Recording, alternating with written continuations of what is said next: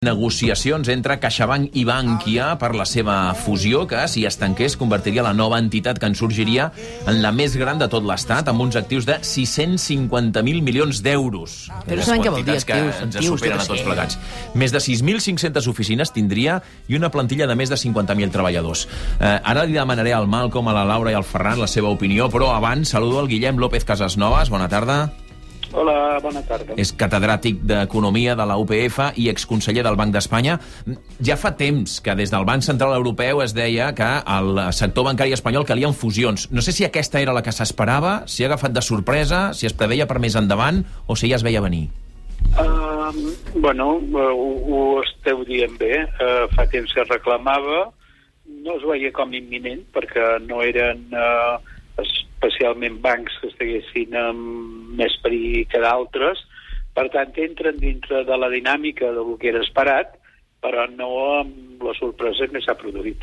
Eh, Per què era tan necessària aquesta, aquesta fusió? És a dir, l'any 2008 sí que clarament la crisi era sobretot del, del sector bancari. Ara la crisi és sanitària i és evident que també serà econòmica i, i social, però eren necessaris les, les fusions?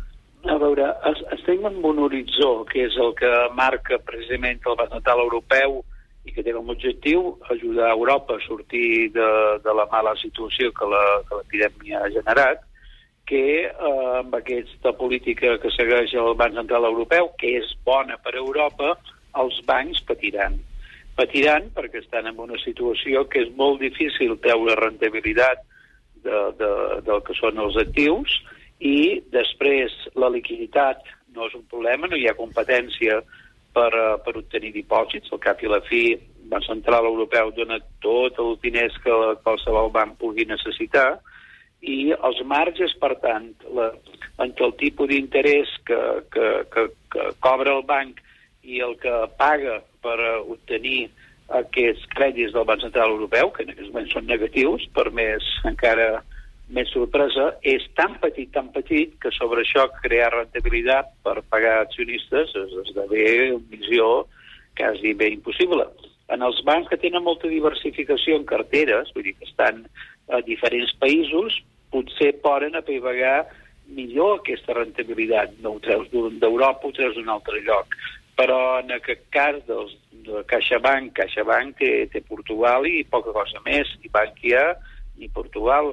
Per tant, eren dos bancs que estaven eh, con, condemnats a tenir dificultats en treure rentabilitat del, del que és el seu negoci tradicional, que és agafar diners i, i prestar-los. I si es fusionen, no estan tan condemnats, perquè ha dit que CaixaBank sobretot és eh, Espanya i Portugal i Bankia només Espanya, estan en, la, en una situació semblant o seran tan grans que podran fer aventures a l'estranger?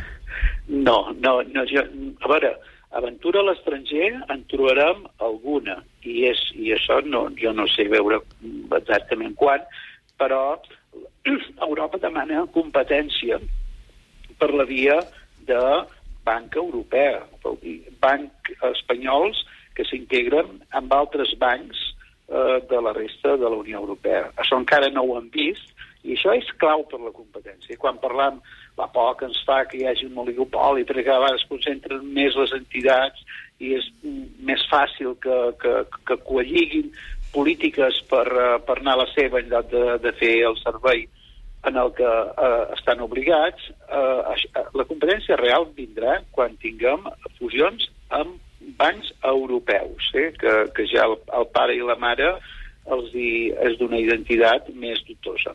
Llavors, que ara la rentabilitat deu la poden treure. Difícilment dels ingressos del negoci, que és el que explicava abans, la poden treure només una reducció de despeses dels estalvis, i això és el que fa que els, els, els sindicats hagin, hagin aixecat la seva mordala, perquè estan pendents de com aquesta suma que, que heu fet ara eh, es redueixi a la pràctica, perquè segur que no veurem eh, 50 ni 60.000 treballadors en aquestes entitats, en veurem molt més, i, eh, clar, quan fas una fusió sempre hem de tenir en compte una cosa, o la fas perquè els bancs són complementaris en negoci, per exemple, no, sempre es havia parlat d'una possible complementarietat entre Sabadell i CaixaBank per la via de que Sabadell feia més negoci amb empreses, era més industrial, que CaixaBank la feia més en dipositants eh, minoristes.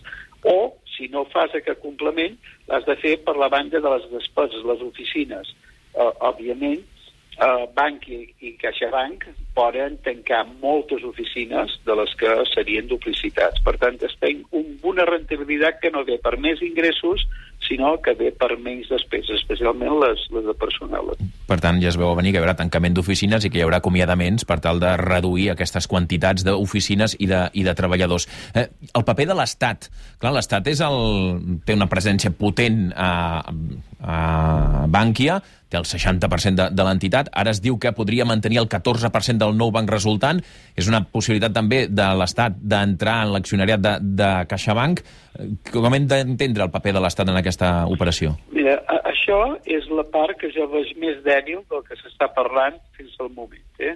Uh, perquè el normal seria que en el moment que l'Estat es desprèn de les accions de Bànquia, els nous accionistes negocien en llibertat si fan una fusió, una absorció o el que vulguin fer. Uh, essent l'Estat el, el propietari d'aquestes accions, jo no sé fins a quin punt l'Estat com a tal pot desfer-se d'aquestes accions, uh, no dic que no torni a l'abusia, però que quasi bé, i fins i tot uh, involucrar-se a futur com a accionista ja no conjuntural, que és el que ha fet el FROP durant aquesta temporada, sinó com a accionista estable. Per tant, tard o d'hora, l'Estat ha de sortir de, de, del conglomerat nou que es creï, per suposat, i tard o d'hora hi pot haver un jutge estrella, que diríem, que qüestioni que l'Estat pugui fer una operació d'aquest tipus amb uns diners que són del FROP, que en principi són de tots. Fins a quin punt se, sense passar per Parlament, eh, sense passar per òrgans supervisors, l'Estat pot fer una operació d'aquestes característiques de vincular-se amb una entitat que està sí, que és CaixaBank, que és privada. Per tant, això és un pot de liu, eh? No vol dir que estigui mal fet, jo no, no ho voldria dir això, però segur que hi ha algú que rascant un poc eh, troba eh, demanda judicial eh, ad hoc eh, eh, fer-ho. Doncs veurem com, com evoluciona tot plegat. Deixem preguntar-li pels, eh, pels usuaris, pels clients. Ja hi ha hagut alguna associació, ara en parlarem amb una, que posa el crit al cel, en, o com a mínim d'alerta, de dir, clar, si hi ha una concentració, si cada vegada hi ha menys bancs, al final això fa que hi hagi menys competència i, per tant, potser acabem tots plegats perjudicats perquè tindrem menys ofertes i que això farà que puguin fer fàcilment un oligopoli. Mm, això pot, eh, pot passar? Sí, a veure, uh, el tema de, de, de les pràctiques col·lusives que puguin anar en detriment de, dels usuaris, eh, que, és, que és la part aquesta que tenen els bancs de, de, de servei públic, el qui l'ha de tutelar és el supervisor. Eh? Per tant, aquí tenim eh, la Comissió Nacional de la Competència, tenim la feina que pugui fer el Banc d'Espanya per evitar que això passi. L'usuari en si mateix, quan un banc eh, s'enforteix, perquè en principi eh, la fusió es fa per la millora, almenys així ho ha celebrat també avui el, el mercat de, de valors, eh? es fa per una millora. Per un usuari que tenia por de perdre els seus dipòsits, avui ha d'estar més content, perquè sempre hi haurà algú que dirà eh, mai surt una cosa potent quan dos coixos s'ajunten, eh? Mm. Però els dos bancs però no són no, paralítics, eh? vull dir, mm, són dos bancs potents, no, no, no eren ni els de, els de més risc eh, a la mirada d'Europa. La capitalització de Bànquia eh, és prou bona. De fet, l'han pagat entre tots, no?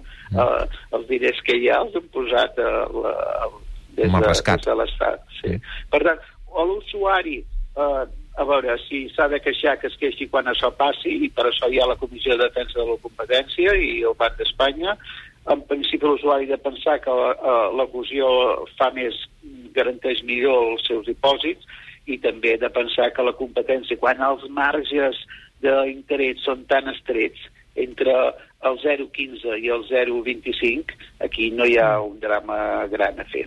Mm.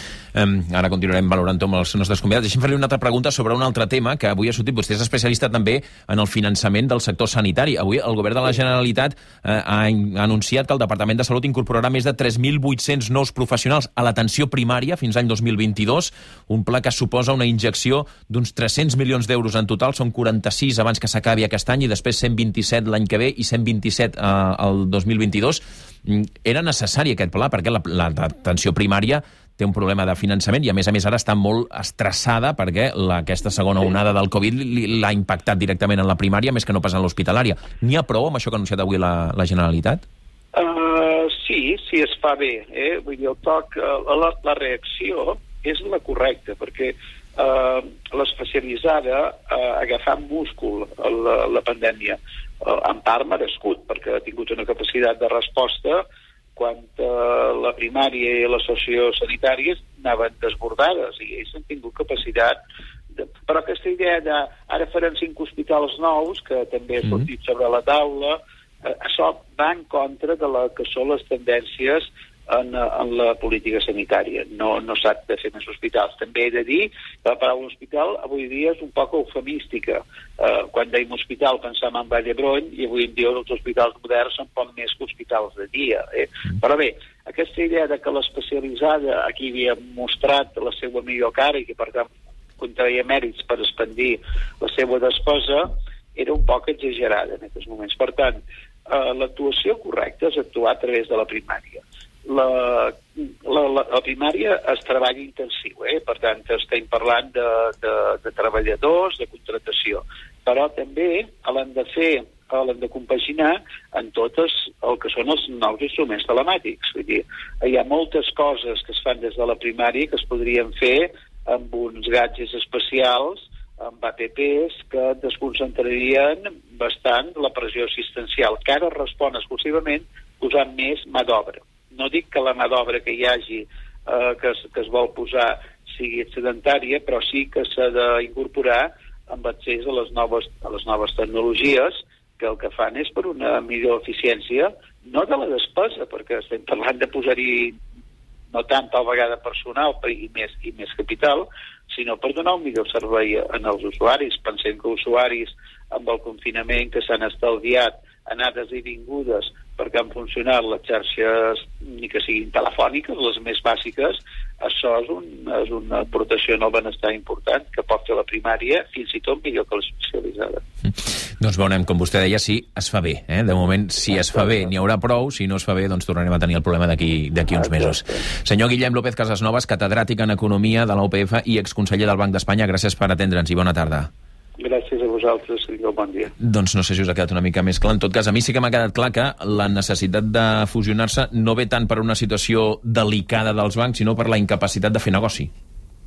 És a dir, no eren prou grans, en la situació actual no hi havia negoci, com que no hi ha negoci doncs necessitem bancs més grans perquè puguin estar a Espanya, però també a Portugal, a la Unió Europea, en altres països de fora de la Unió Europea, per tal de poder tenir més diversificat i treure'n benefici. És a dir, que al final eh, ens sortiran beneficiats potser els bancs, però els treballadors de moment ja ha dit, ja ha dit Casas Noves que menys oficines i menys treballadors. I la sensació que tenies veient les oficines de, de fa uns mesos és que ja estaven reduint personal, tot això que estaven fent, que els avis havien d'anar actualitzats a la llibertat ells i els ensenyaven com fer-ho i aquelles cues monstruoses. Serà curiós això, perquè el model Bankia i el model La Caixa, eh, quan tu vas a una oficina bancària d'un dels altres és molt diferent. I la, la, la Caixa està invertint o està posant eh, el tipus de, de, de caixa store, eh, per dir d'una manera, amb que quasi bé ni t'atenen, eh, i en canvi la, el Bankia encara segueix tenint un model més, més tradicional, no? i per tant, amb la fusió aquesta haurem de veure com compatibilitzen una cosa amb l'altra. Però a mi la gran preocupació de la fusió és, i no vull personalitzar-ho a mi, és com ens afectarà els ciutadans directament. Mm -hmm. I jo crec que aquesta és un, una pregunta que ningú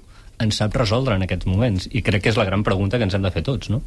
I ni el propi catedràtic ens sabia ara donar la resposta. Clar, hi, hi ha un dubte que és si Bankia tenia un, una, un capital o una part important del seu accionariat és l'estat espanyol i es va finançar amb, amb fons públics, com aquest encaix, com aquesta fusió reverteix en, el, en els ciutadans? De quina manera es, es retorna en tant que, que, que és l'estat el propi l'accionariat? Eh, D'alguna manera, si hi ha una operació que té un repartiment eh, d'alguna manera s'hauria de traslladar, no? que això del finançament dels bancs i com es van rescatar és una, una, bueno, és un tema que anem com arrossegant però que no en traiem mai l'aigua clara però no sé qui ens podrà explicar quins beneficis té això per l'estat espanyol en tant que, que, part de, que, que responsable d'una part de l'accionariat i l'altre és que Uh, en, en 20 anys uh, haurem assistit a, a una conversió arquitectònica i, i, i, i de paisatge urbà de com eren els barris eh, fa, fa això 20 anys, que cada barri tenia la seva...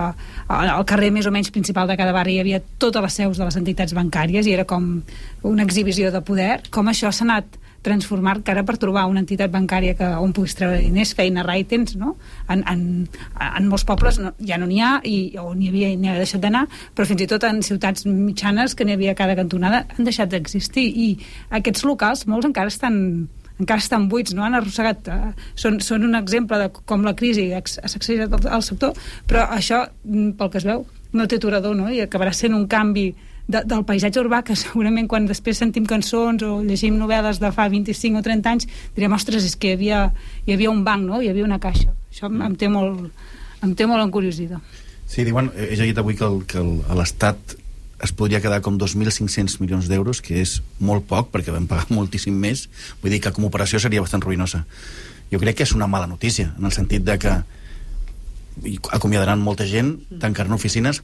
És veritat que abans el, el, el paisatge, com, com deia, era diferent. Abans teníem Banesto, l'Hispano, el Central, el Bilbao, el Vizcaya, i ara només... I totes les caixes. I totes les caixes. Caixa bueno, Caixa Manlleu, exacte. hi havia, no? Caixa Manresa. Aquella cançó del Sabina, que sortia al Banco Hispanoamericano. Banco Pastor. Banco Pastor. No, Banco Pastor. Més una competència de Lobos, eh? Donava per molt estudiar els Lobos. Banco Central, que va ser atracat. Aleshores, tot, el, el món de la banca ha, ha canviat, però ha perdut 50.000 treballadors des del 2008 fins ara. Vull dir que ja, cada cop hi ha menys treballadors, i jo crec que... I és veritat que el que deia el catedràtic, que, que les comissions, ara perquè els interessos són molt, són molt petits, això no sabem si de, demà seran més grans o més petits, perquè no depèn de la banca, però el que el ciutadà sí que patirà seran comissions, perquè tu te'n te vas d'un banc a un altre perquè no té comissions o perquè t'hi sé, i ara els bancs et cobren gairebé per tot. I això, eh, això sí que no hi haurà competència. Que quan tu vas al caixer i et posa esta operació tiene coste cero, dius gràcies. I per què m'ho dius? Cabron. perquè, perquè me la vols cobrar en el futur, no? Perquè si no... no. S'anticipen. Sí. Ara, com, com a nom CaixaBankia m'agrada molt, eh? CaixaBankia. Eh, veurem, ja estàs anant molt enllà, eh? Però, Però, però eh, Caixa sona molt català, eh? Hem sentit els senyals horaris de dos quarts, deia el Ferran. eh, Això, el gran dubte és com afectarà a l'usuari, al client d'aquestes entitats. Manuel Pardo, bona tarda. Manuel Pardos. Pardos. Ah, doncs, Pardos. Manuel Pardos, bona tarda. Bona tarda. Vostè és president d'ADICAE, l'Associació d'Usuaris de la Banca. Um, els usuaris de banca, aquesta fusió, què els hi suposarà? Sortiran perjudicats? Eh, no deberían de ser perjudicados en absoluto. Y los que se atreven un poco a dar ahora eh, anticipos, tendremos que esperar de que podría pasar con algunos productos, pero en principio la legislación no permite cambiar ningún contrato de los que tenemos de tarjetas de crédito, de hipotecas, de cuentas, de transferencias, ni siquiera de comisiones. ¿eh? Mm. Eh, cualquier cambio que se quisiera hacer con motivo de la fusión sería ilegal, sería ilegítimo y desde luego ADICAE, que va a estar presente, es la organización más representativa tanto de los consumidores y usuarios de ambas entidades como de los pequeños accionistas. No olvidarse que Mm. CaixaBank tiene 100, 570.000 pequeños accionistas ahorradores, aparte de los grandes que controlan, no son mayoritarios en número, pero no en capital, y, y Bankia tiene 173.000 pequeños accionistas ahorradores, porque la mayor parte del capital todavía es del FROP, el Estado. Mm. Eh, Ara, el problema el tindrem quan vulguem fer un nou contracte. Si volem fer una hipoteca nova, clar, si cada vegada hi ha menys oferta, cada vegada hi ha menys entitats, això sí que ens pot anar en contra, no?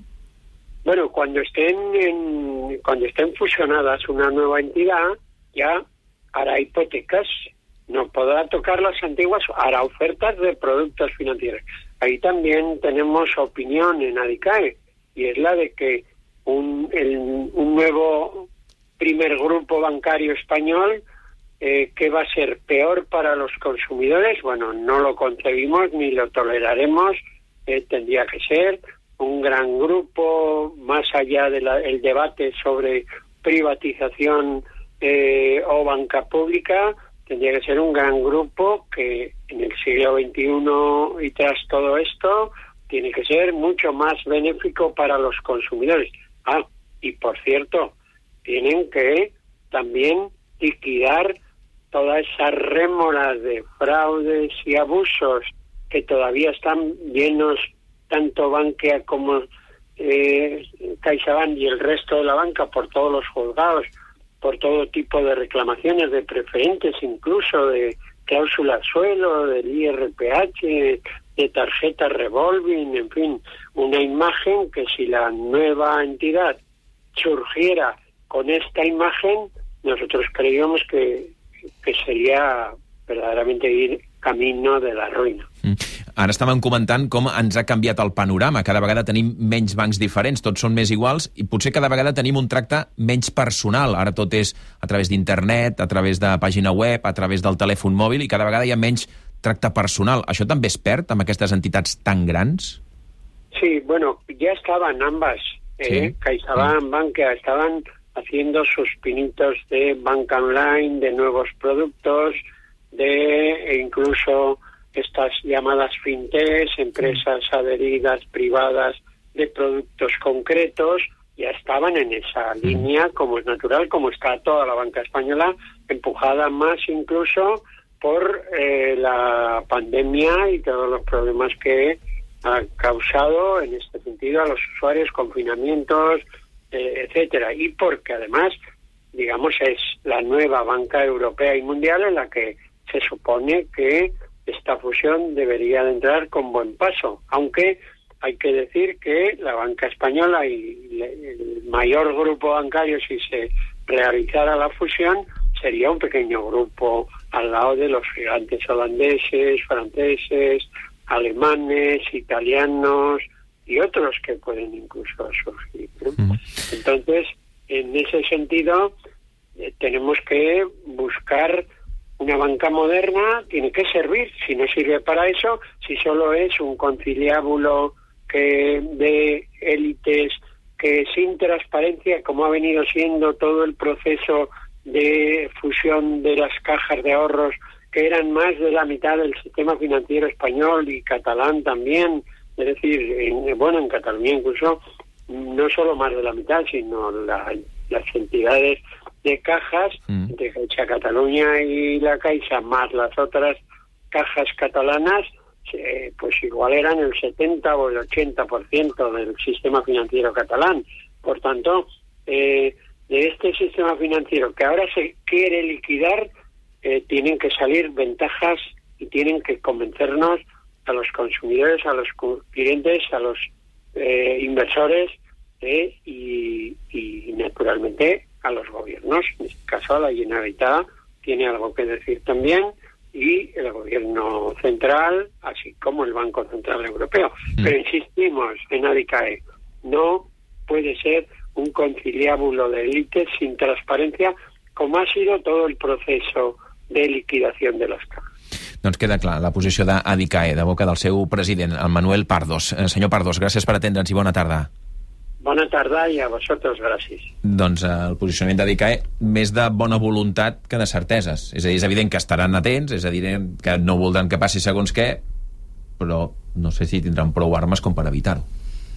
Jo, com que vaig créixer amb aquella mítica frase que de la banca sempre guanya, doncs mm. em, em quedo amb això, no? I Sant Tom, jo com Sant Tomàs, ver i tocar. Quan ho vegi, saps? M'ho creuré tot això. Amb això, si algú ha tingut ocasió mai de fer reclamacions contra gestions o errors de, el, el que et suposa de, de desgast per intentar reclamar alguna cosa, sempre penses que com més gran és el monstre, doncs, més difícil és la, l'envergadura de la teva Però posem també en, guerra, en no? valor, o sigui, jo puc parlar per la meva experiència, no? O sigui, jo la meva gestora de la, de la meva compta o, a, en una d'aquestes entitats bancàries només jo, en puc jo parlar també, la mar de bé. Jo també, o jo també. Només en puc parlar sí, sí, sí, sí. i durant la epidèmia no t'ho puc explicar sí. el que m'ha arribat a cuidar i a mimar i a preocupar-se per mi. És a dir que una cosa és, la, és dir, el headquarters i els, els jefes, el, la, la, la, la, els directius, i l'altra cosa doncs, són els gestors que estan cada dia obren gestors que, que l'oficina. de vegades van, van canviant d'oficina, ara el posen aquí, el posen allà, i que, i que aquestes persones jo crec que ja patien abans. I, i, i a mi em sabria molt greu que aquestes persones... perquè Hi ha vegades que hi ha coses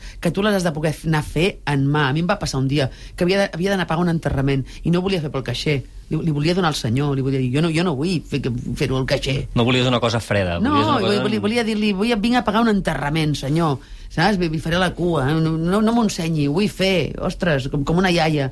Doncs eh, és veritat que jo també m'he sentit molt cuidada per, per, pel el meu amic de, de l'oficina al Caixa, que era una, m'han cobrat això, no sé què, no sé què.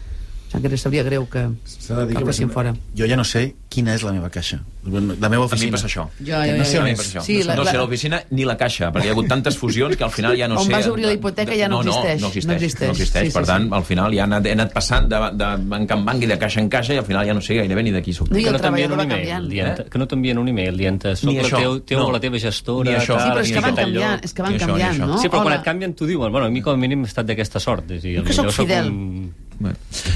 D'aquí sis minuts seran tres quarts de quatre. Farem una pausa per la publicitat i després més coses i connectarem amb Ramon Salmurri. Es veu que hi ha novetats sobre el futur de Messi. Eh, com a mínim alguna cosa nova. Ara ja. Catalunya migdia.